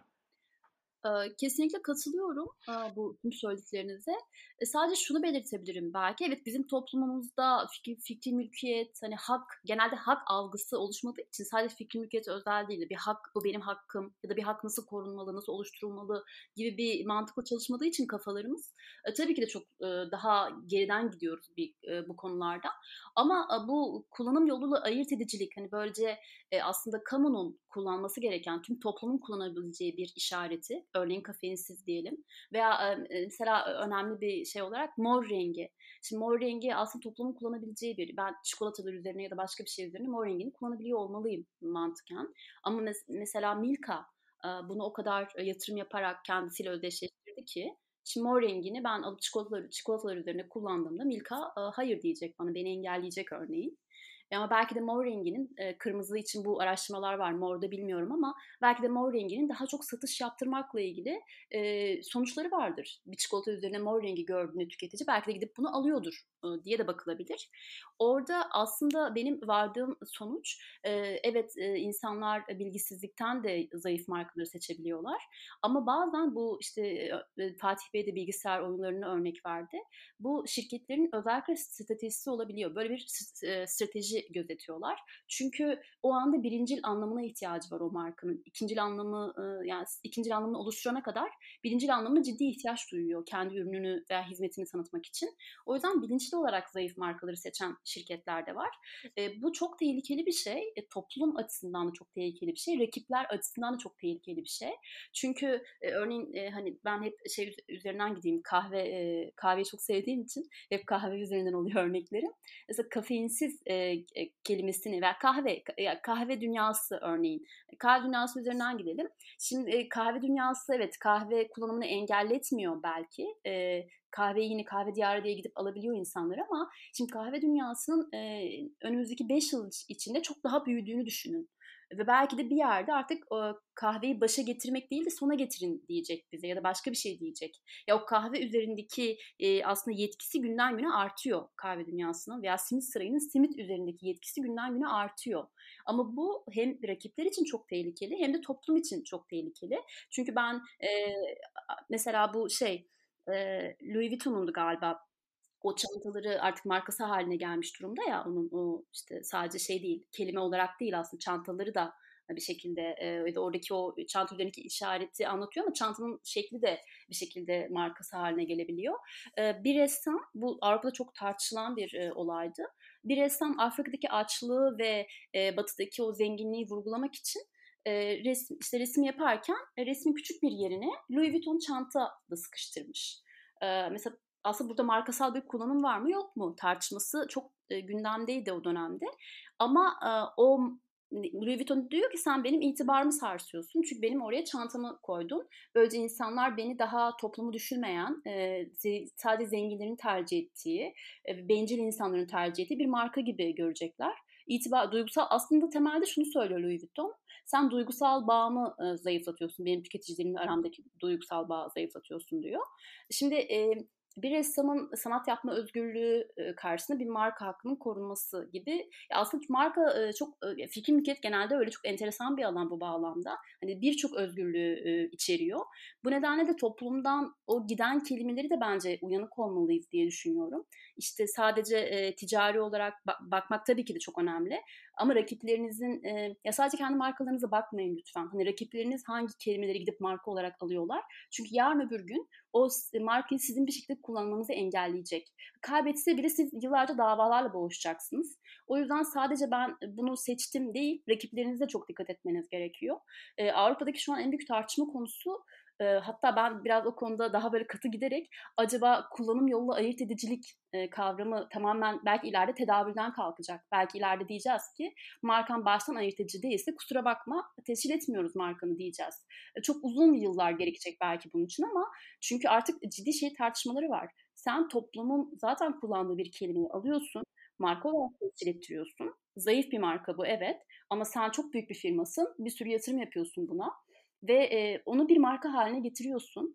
Getirdikten sonra da başkalarının bunu kullanmasını engellemiyorsun. Şey engelliyorsun artık. Başkaları bunu kullanamıyor. Sen toplumdan aslında sürekli e, kendi mülkiyetine, kendi inhisari yetkine bir şeyler alıyorsun. Çünkü sen kafadan bu kelimeyi üretmemişsin ya da bu şekli üretmemişsin. İşte bu Ferrero'nun sarı çikolataları vardır böyle sapsarı, altın sarısı şekil. E, mesela onunla ilgili bir sürü dava vardır Türkiye'de. Peki o şekil e, Ferrero'nun bulduğu bir şekil mi? Hayır ama Ferrero diyor ki ben e, bu şekilde artık o kadar kullandım ki o kadar yatırım yaptım ki e, sen kullanamazsın çikolatada kullanma diyor. Ama ben kullanmak istiyorum çünkü şekil zaten sınırlı bir de niye kullanamayayım? Sen bunu seçmeseydin buna da katlan o zaman diyemiyoruz. Neden? Çünkü kanun diyor ki çok yatırım yaptıysa e, korumalıyım artık diyor. Hani burada şey de var. Tüketiciyi korumak da istiyor. Çünkü başka biri o onu taklit ettiğinde tüketici onu Ferrero diye alacak ama aslında Ferrero değil gibi. E, ama şey orada e, sorun bence e, aslında Ferrero bunu yaparak e, rekabet e, hukuku burada devreye giriyor bence. Rekabeti de kötü etkiliyor. Çünkü başka bir firmada e, o şeklin şekilden farklı bir çikolata üretmek için bir sürü yatırım yapmak zorunda kalıyor. E, aslında bir sürü para belki de boşa gidiyor. Normalde o şekil herkes açık olsa o şirket o parayı işte Ferrero'nun o şeklinden farklı bir farklı bir çikolata üretmek için değil başka bir şeye harcayacak. Veya işte kafeinsiz üzerinden gidelim Yani orada ben kafeinsiz kelimesini diyelim gidip aldım marka olarak ve bir şekilde şekil koyarak şöyle böyle tescil ettirdim. Ama ileride o kadar büyüdü ki o firma artık bana gelip şey deme hakkına sahip oldu. Tabii bunlar çok zor olabilecek şeyler ama hiç ummadığımız kelimeler üzerinde bir bakıyorsunuz ki o kadar yatırım yapmış ki aslında zengin şirketler bu kelimeleri kendi imsal yetkilerine almışlar ve başka şirketlerin kullanmasını bırakıp sanatçıların kullanmasını bir şekilde bir şey e, ima etmesini bile engelleme engelleyecek boyuta gelmişler. O noktada da bir sürü özgürlük engellenebiliyor. E, kafeinsizlik kullanma artık deme noktasına geldiğinde ben e, rakip olarak ne kullanmam gerekecek orada? İşte belki diyeceğim ki e, suyla karıştırıldığında e, e, içecek haline gelen e, acımsı bir e, ne bileyim acımsı bir içecek falan diyeceğim kahve için. Yani bir birçok bulmak zorunda kalacağım kahve bulamadığımda. Çok doğru. Ee, Çok doğru. Ama biz e, ne demiştik? İşte e, ve tüketici de bunu aklına tutması gerekecek. Biz başta marka anlatırken demiştik ki markanın meşru, marka koruması neden var sorusuna cevap verirken sadece tacirlerin yatırımı değil, tüketici de çok önemli burada. Tüketici de o araştırma maliyetinden kurtulsun, daha çok kelime hakkında tutmasın e, demiştik. E şimdi burada marka tam tersi bir etki yaratıyor bu sefer. Hani siz aslında ayırt edici olmayan markaları başkalarının o zengin şirketlerin tescil etmesine ve sonradan marka olarak almasına izin verdiğiniz müddetçe marka korumasının meşrulaştırıcı gerekçesi olan tüketicilerin araştırma maliyeti düşsün de zarar görüyor aslında. Bir de markanın şöyle bir önemi var. E, marka yatırımı koruduğu için ve yaratıcılık e, aslında marka mantığından yola çıkılırken hep şöyle düşünülmüş. E, bir kelimeyi alacaklar ve bunun üzerinde bir hak olacak. Hani burada kamu yararının zarar göreceği bir durum olmaz diye düşünmüşler bence en başta. O yüzden de demişler ki şimdi diğer fikir mülkiyet hakları sınırlıdır. E, işte patent 20 yıl korunur, tasarım 25 yıl korunur, e, copyright işte e, ya işte sahibi artı 70 yıl bir süre vardır yani orada. Ama markada süre yoktur. Yani 10 yıl boyunca 10 yıllık periyotlarla yenilemeniz gerekir ve sonsuza kadar koruyabilirsiniz. Neden peki markada bu var? Çünkü başta ne dedik? Markada yatırım, yaratıcılık değil. Markada yatırım korunuyor ve şirketler bu yatırımı sonsuza kadar koruyabilsin, şirketler ekonomide var olabilsin diye markalarda sonsuza kadar korunabiliyor. Çünkü orada toplumun zarar göreceği bir durum olacağını düşünmemişler bence. Bunu öngörememişler. E, ama öbür haklarda şöyle diyoruz. Tamam ben 20 yıl boyunca senin patentini koruyorum ama hani 20 yıl sonra artık bunu kamuya açıyorum. Çünkü insanlar bu patenti kullanıp yeni patentler, yeni buluşlar yapabilsin. Çünkü orada bir yaratıcılık var diyoruz. Hani bu yaratıcılığını e, bu 20 yıl boyunca koruyorum ben. Sadece sana ait olsun tamam. Ama 20 yıldan sonra sen de bu yaratıcılığını artık toplumla paylaş diyoruz. Ama markada e, yaratıcılık olmadığı için sonsuza kadar korunuyor. Ama şu an geldiğimiz noktada bu ayırt edici olmayan işaretler marka olarak tescil edilebiliyor olduğu için toplumdan aslında e, kelimeler gidiyor veya şekiller şirketlerin e, tekeline geçiyor. Bence bu çok önemli bir husus ve hatta sadece şekiller değil işte bu mesela şeyi düşünün sanat tarihi yüzyıllardır olan sanat eserlerini düşünün işte Michelangelo'nun da, Davut heykelini düşünün örneğin. Türkiye'de bir firma gidip bunu marka olarak tescil ettirebilir. Yurt dışında da öyle. Bu tartışılıyor. Türkiye'de hatta daha zor. Çünkü kültür ve sanat eserlerinin marka olmayacağı ile ilgili özel düzenlemeler var bizde ama Avrupa'da yok ve bu çok ciddi bir tartışma konusu orada. Hani neden bunu alabiliyorlar gibi daha böyle genel şeyler olsun bizim kanunlarımızda diye tartışılıyor bunlar. E, yani e, sonuç olarak bu ayırt edici e, olmayan markaları seçen şirketler bazen e, akıllıca bunu yapıyorlar. Akıllı candan, akıllıcadan kastım aslında tüketicinin ona geleceğini biliyor yani o markaya. Çünkü tüketici ben kafeinsiz istiyorsam kafeinsiz yazan markaya giderim tabii ki. Gidip de Santa kafeinsiz mi diye bakmam. Ee, aslında birincil anlamını, toplumun zaten bildiği anlamı istiyor.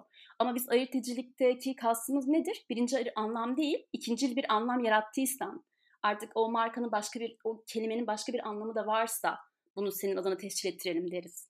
E yoksa kusura bakma deriz. Bu toplumun çünkü bunu herkes kullanabiliyor olmalı, olmalı. Ama sen ikinci bir anlam yarattıysan tamam koruyayım deriz. Markanın mantığı budur. Ama e, ikinci, ikinci bir anlam yarattığında birinci anlam bir yere gitmiyor ki. Birinci anlam da orada hala duruyor. Aslında marka sahibi birinci ve ikinci anlamın beraber sahibi oluyor. E zaten sıkıntılı nokta da bu bence. Hani o yüzden benim e, tavsiyem hep böyle şirketlere şey oluyor. Ki senin markan güçlü olsun evet ama rakiplerin ne yapıyor diye de bakmak durumundasın. E, yoksa e, normalde kullandığın bir şey yarın bir gün kullanamıyor hale gelebilirsin. Ee, burada ben e, bir şey söyleyeceğim. E, aslında iki şey söyleyeceğim. Bir de soru soracağım. E, soruyu sorayım ilk önce. E, ona devam edersin. E, Simit Sarayı ya da kahve dünyası tanınmış e, birer marka mıdır? E, ayırt edici niteliği e, çok zayıf olan e, bu işaretleri seçmiş olmalarına karşın yaptıkları yatırım, e, yoğun yatırım e, sayesinde tanınmış marka, birer tanınmış marka haline gelmişler midir? Bu sorun benim. E, e, ekleyeceğim şey de şu. E, şimdi bu büyük şirketler, e, daha doğrusu zengin şirketler diyelim, e, baştan zaten bunu bilinçli olarak yapıyorlar ve bu e, tasviri işaretleri e, birincil anlamları senin dediğin gibi kullanarak e, müşteri algısı e, yaratıyorlar e, ve bu algı sayesinde de e, daha fazla e, çekici imaj oluşturmuş olduklarını düşünüyorlar. Ve gerçekten de bunu yıllarca e, sürdür, sürdürerek e, bir noktada başarıyorlar. Ve aslında işte diğer söyleyeceğim şey de bu. Kullanım sonucunda bizim yasa, yasamız sanayi mülkiyet yasası kullanım so, sonucunda ayırt edici hale getirilmiş markaları da koruyor. Bunlar tescilsiz olsa dahi eğer bir markayı daha öncesinde başvuru, üçüncü kişinin başvurusundan önce eğer Türkiye'de bir şekilde kullanıp ayırt edici hale getirmişseniz o marka başvurusuna Türk Patent nezdinde itiraz edip onun şey yapabiliyorsunuz. Gerçek hak sahipliği kavramı üzerinden gidip veya dava da açabiliyorsunuz. E, tescilsiz marka e, kullanımı ve bunun sağladığı haklar bahsi e, de bunlar e, değerlendiriliyor. Ama e, günün sonunda benim e, söyleyeceğim şey, e, önemsediğim nokta e, bu zengin şirketlerin yaptığı e, ve yasanın e, bizatihi verdiği bazı imkanları da e, kullanarak e, e, yarattığı bu algı, suimisal, e, başta suimisal olan bu algı e, startuplar tarafından e, taklit edilse dahi e, o zenginlik onlarda olmadığı için aslında bu çok riskli bir tercihe dönüşüyor ve e, özellikle de iyi marka araştırmaları yapmadan, e, cookie risk analizlerini yapmadan bu e, başvuru öncesinde e, bu tip işaretleri seçtikleri için ve şanslarını denemeyi tercih ettikleri için ve bunu da mutlaka başvurusunu yapan marka vekilleri bulabildikleri için e, Türkiye'de bunları yapıyorlar ama çoğunlukla e, bu markalarda e, umduklarını bulamıyorlar. Ya birisi itiraz ediyor oluyor ya dava açıyor oluyor. E, tescil ettirenler de şey düşünüyorlar ya tescil ettirdim zaten. İşte veya tescil başvurusunda bulundum iyi gidiyor şu anda.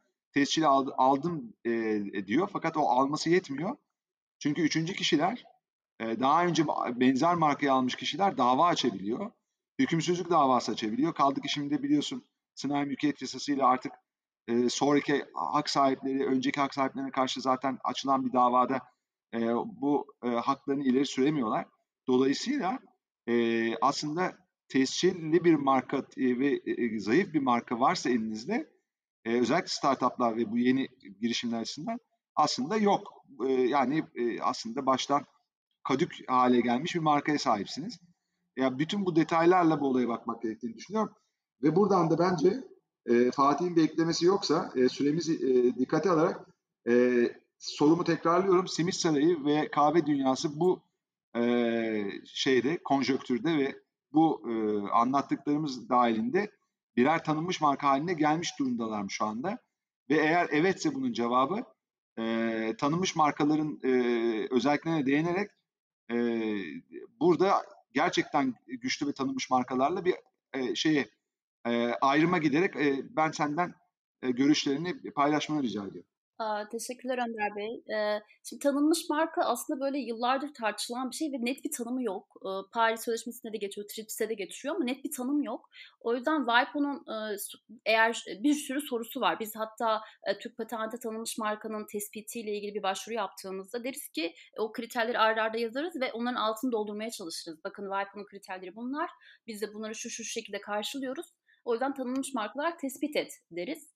Hani bir marka tanınmış mı değil mi? Bununla ilgili tabii cevap vermek çok zor. Çünkü tanınmış marka dediğim gibi kriter yok. Ama hep e, şey deriz işte bir kişi de e, bir kişiye çok bağlıysa artık insanlar onu duyduğunda refleks halinde onun e, işte kültür, yaş vesaire bir bu anlamda bir fark yoksa ve kişiler bunu duyduğunda bir refleks halinde kahve dünyası onlarda bir şey kahveyi çağrıştırıyorsa veya kahve dünyasının sunduğu malı veya hizmeti çağrıştırıyorsa e, tanınmış marka olmuştur deriz. Yani reflekse dönüşmüşse artık bu e, yaygın bir şekilde e, tanınmış marka olmuştur deriz. Hani kahve dünyası dediğimizde e, benim aklıma şey geliyor hemen. Ama ben kahve çok sevdiğim için mi örneğin kahve kahveyle çok ilgisi olmayan birilerine sormak lazım aslında birazcık da bunları.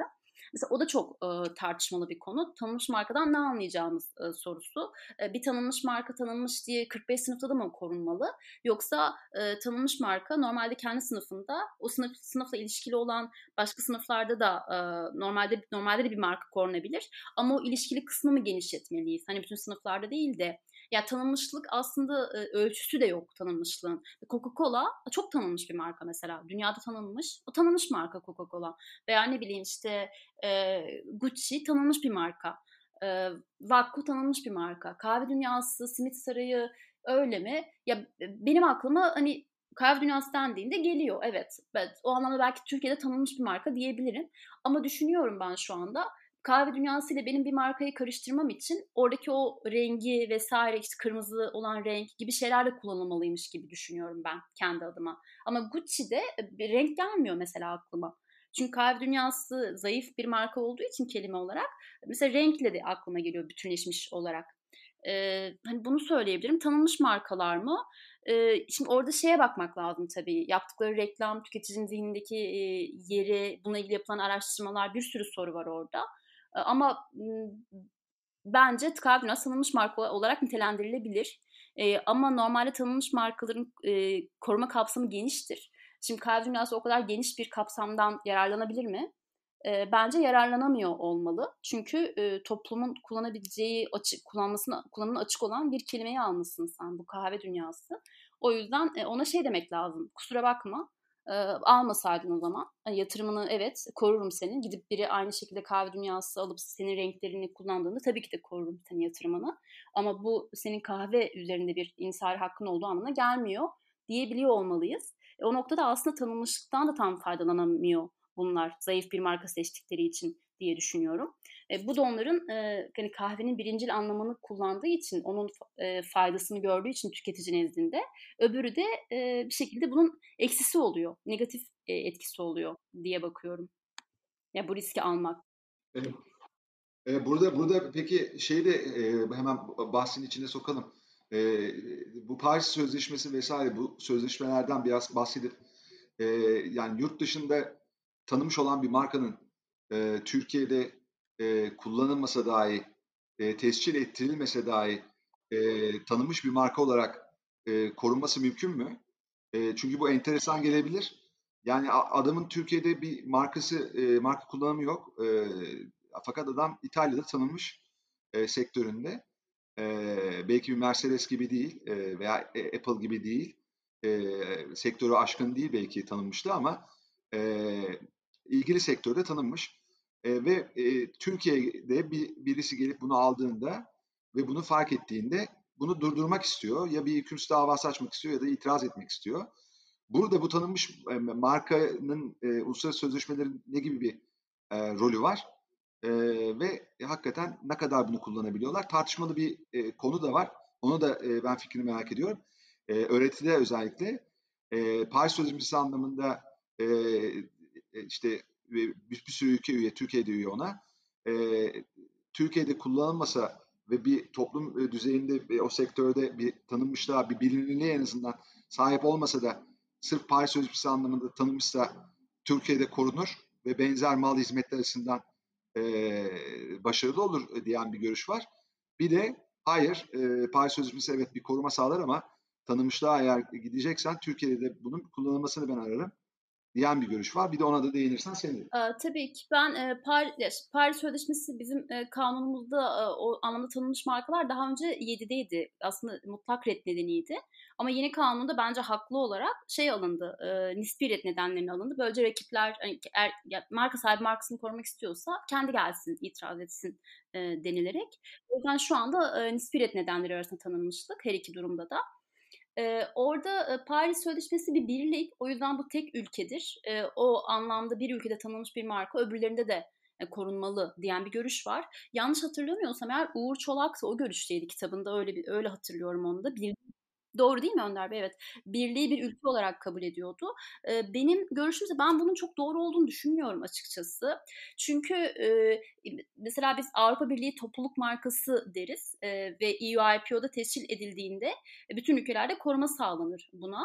E, ama orada bile mesela ayırt ediciliği zayıf bir marka bu diyelim ve bir ülkede ayırt ediciliğini kaybettiğinde e, orada gidip siz e, hükümsüzlük davası açma hakkı da elde edebiliyor elde, edebiliyorsunuz. Artık Avrupa Birliği markası olmasın bu diye. Çünkü bir ülkede ayırt ediciliği niteliğini yitirdi e, diye veya e, teşhir başvurusu yapılırken bütün ülkelerde bakılıyor ayırt edici mi değil mi diye. E, bir engel var mı yok mu diye. O yüzden aslında e, hani orada bile e, böyle bakılırken şimdi Türkiye'de hiç tanınmayan bir marka e, sırf birlikte e, işte var diye burada korunabilir mi? Ya ben çok öyle olmaması gerektiğini düşünüyorum kendi fikrimce.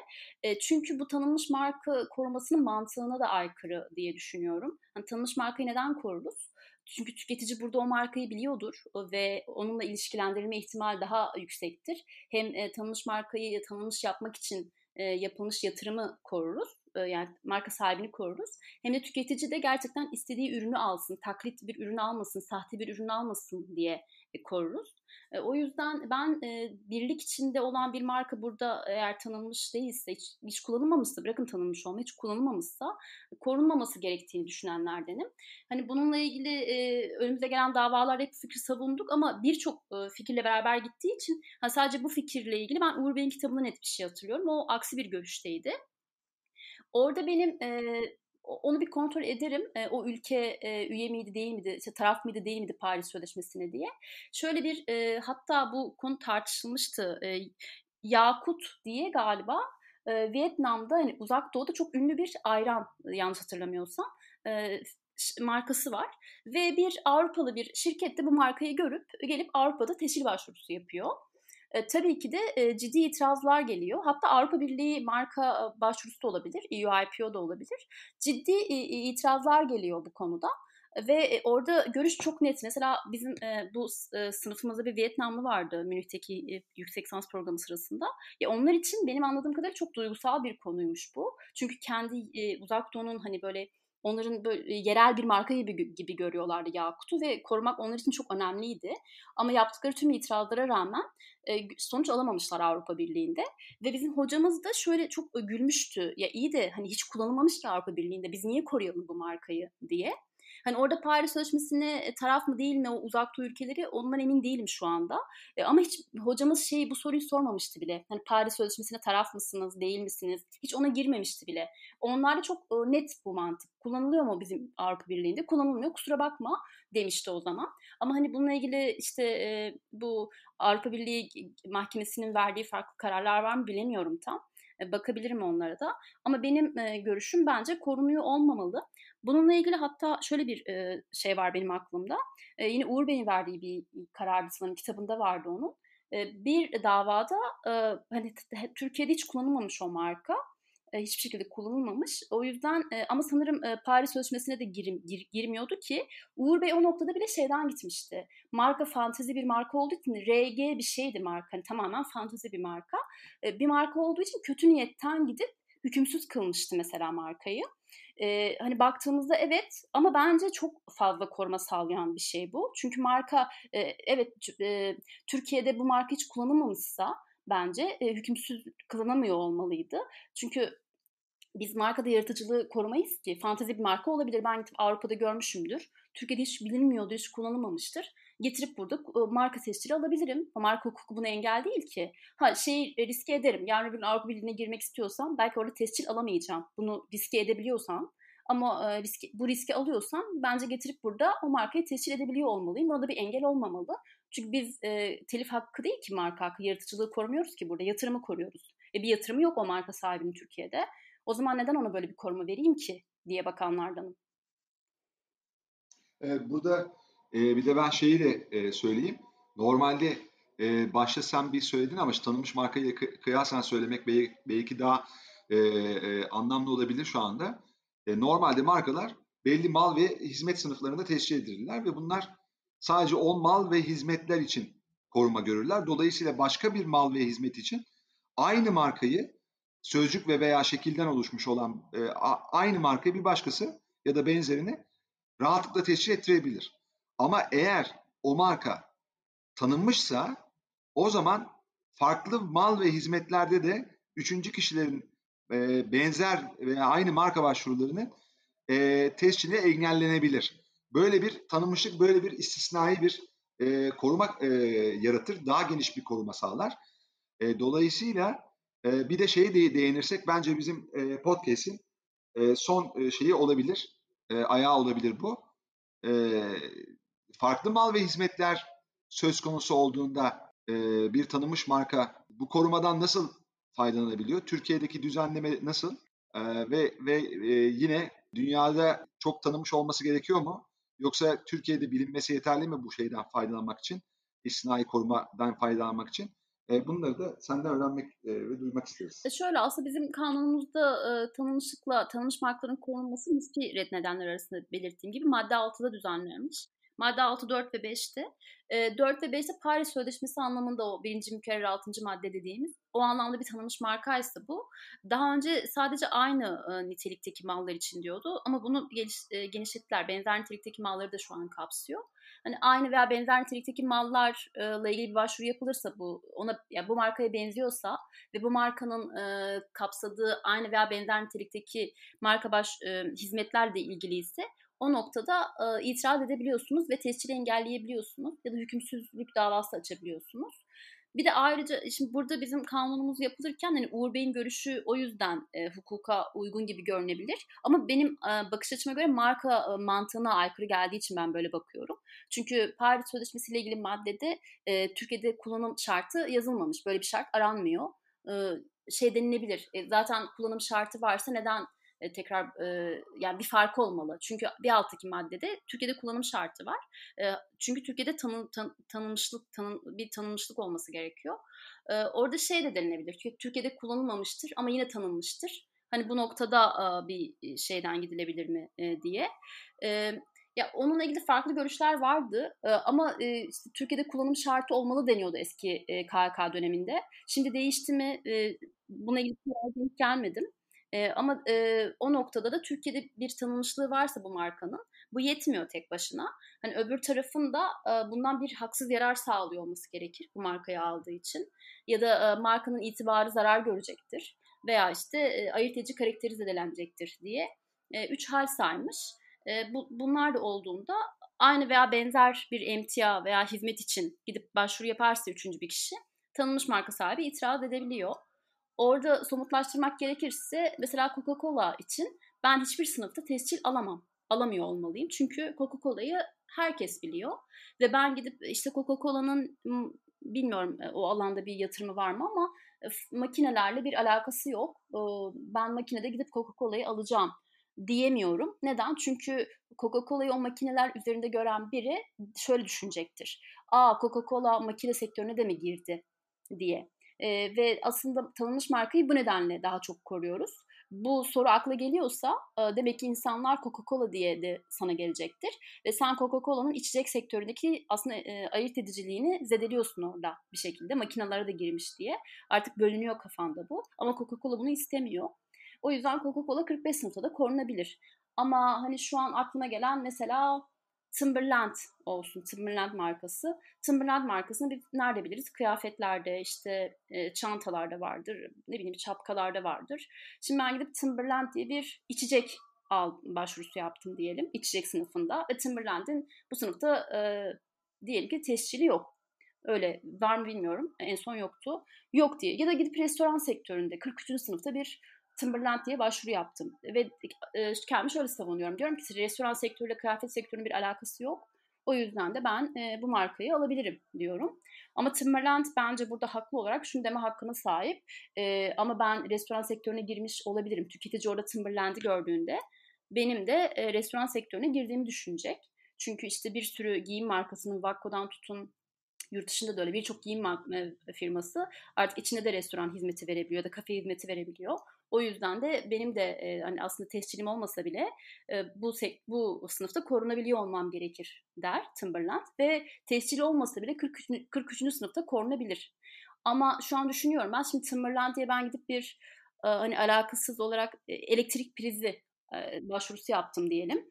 O noktada Timberland restoran sektöründeki kadar güçlü olur mu? E, olmayabilir elektrik prizinde. E, çünkü daha alakasız bir şey olarak görülebilir şapkadan ve işte e, kıyafetten. E, ama herhangi bir marka olsa bu e, kıyafette çok tanınmayan bir marka şu an gelmiyor aklıma ama hani herhangi bir marka olsa ve ben gitsem restoran sektöründe de o markayı almak istesem e, çok da e, şey yapamazlar. Yani kıyafet bu sen restoran sektörüne gittiğinde benim de o alana girdiğimi düşünürler. Bunlar ilişkili dediğinde Timberland kadar başarılı olamaz o marka sahibi. Burada peki Nevin şey şart mı sence yani Türkiye'de e, tanınmış olan bir marka dünya çapında tanınmış değilse e, yine farklı mal ve hizmetler açısından ilgili e, sektörü e, aşacak şekilde onun te, e, faaliyet gösterdiği o markanın e, tanınmış markanın yani e, durdurabilir mi sence? farklı mal ve hizmetlerde. İlla dünya çapında tanınmış olması gerekiyor mu? Timberland mesela bence dünya çapında tanınmış bir marka. Ee, e, yani belli bir sektörde o kadar tanınmış ki artık dünya çapında tanınmış hale gelmiş e, bir marka. E, yani bu Türkiye'de çok tanınmış olan bir marka sence ilgili sektörde tanınmışsa yine bu farklı mal ve hizmetlerden diğer o üç şartta tam biri de gerçekleşmişse sence koruma e, e, görür ben, mü? Bence manada. görmeli kesinlikle. Yani çünkü Türkiye'deki tanınmışlık bence önemli orada. Kesinlikle evet, koruma görmeli. Evet. Ama biz burada şey ile bence orada şunu düşünmeliyiz hep. Koruma görmeli ama nereye kadar? Yani 45 sınıfın hepsinde mi? Yoksa gerçekten o ilişkili olduğu diyoruz ya, o ilişkiyi ne kadar genişletmeliyiz? Diye düşünüyorum orada. Yani 45 sınıfın hepsinde de değil belki. O kadar belki o kadar tanınmış değilse 45 sınıfın hepsinde olmalı ama olmamalı ama e, 30 sınıfta belki korunabiliyor olmalı diye düşünüyorum. Ha, orada şu var ama e, benzer mal ve hizmet dediğimizde e, aynı sınıf olmak zorunda değil. Tabii. Ama benzerse mal ve hizmetler farklı sınıflar içerisinde de koruma görebilecek normal bir marka bile bunu e, yapabiliyor. E, durum böyleyken Türkiye'de tanınmış bir markanın farklı mal ve hizmetler dediğimiz aslında benzer olmayan mal ve hizmetleri e, e, şey tanımlar bu e, söylem. E, benzer olmayan mal ve hizmetler açısından da bu korumayı alabilir diyoruz o zaman Tabii. öyle mi? E, doğru anlıyorum Tabii değil öyle. mi? Tamam. Normal bir markadan evet. daha geniş olmalı bu farklının içeriği. E, evet. Ama dünya evet. tanınmış bir markadan da daha düşük olmalı diye düşünüyorum. Evet bence de. Fatih'cim senin var mı ekleyeceğin bir şey? Yo bence çok e, doyurucu açıklamalar e, oldu tanınmış markayla ilgili. E, benim şu aşamada ekleyeceğim bir şey yok. Çok teşekkür ediyorum. Ya e, Nevin'ciğim bence e, süremiz bir buçuk saat oldu. E, gayet iyi bence izah ettik diye düşünüyorum. E, değindik. Senin e, ekleyeceğin şeyler varsa bir, bir birkaç dakika daha e, e, uzatabiliriz. Ama eğer yoksa e, çok teşekkür ediyor olacağız sana. Ben çok teşekkür ederim e, bu programda yer verdiğiniz için. Ee, sadece şeyi ekleyebilirim. Soruları olanlar, aklına bir şey takılanlar ulaşabilirler bana. Ee, LinkedIn üzerinden ya da mail adresimden ulaşabilirler istedikleri gibi. O konuda da rahat olsun öğrenciler de yeni mezunlarda. Hani herhangi bir şey gerekirse e, hep beraber buradayız. Sadece onu belirtmek isterim. Çok karışık gibi gelmiş olabilir son bölümleri ama aslında değil. E, onu söyleyeyim sadece. Ben e, şunu söyleyeceğim. Bu podcast'te şu fark e, benim gözüme e, özellikle çarptı. E, bir kere çok daha fazla sohbet ettik. E, sen daha dinamik bir şekilde zaten anlattın. Biz, biz de girdik araya. E, heyecanlandırdın bizi açıkçası. Çünkü her podcast yayınında bu kadar şey olmuyor. Biz e, dahil ol, olmuyoruz. E, soru soruyoruz. Bazen kesiyoruz ama e, bu kadar konuşmuyoruz. E, daha gerçekten tam bir sohbet oldu. Ve senin de e, şeyin yaklaşımın e, açıkçası benim bazı e, bilmediğim ya da farkına varmadığım bazı şeyleri de e, öğrenme ve e, en azından e, unuttuğum şeyleri hatırlamama yardımcı oldu. O açıdan da ben sana teşekkür ediyorum. Ben e, yani bir şeyler e, daha farklı bakış açılarını da burada aldığımızı düşünüyorum. O yüzden de teşekkür ediyorum sana ayrıca. Ben de teşekkür ederim Nevin'ciğim. Çok teşekkürler e, bu davetimizi kabul ettin. Bizim için çok değerlisin. E, hakikaten de e, çok güzel bir e, sohbet ortamında güzel bir podcast oldu. E, daha güzel günlerde e, görüşmek üzere diyorum. Çok teşekkürler tekrar davetiniz için. E, umarım biz de görüştüğümüz zamanlarda gelir. E, daha detaylı konuşuruz bu konuları. Ben yayını e, sonlandırıyorum. Tüm dinleyenlere teşekkür ediyorum sabırları için. Kendinize iyi bakın, hoşçakalın.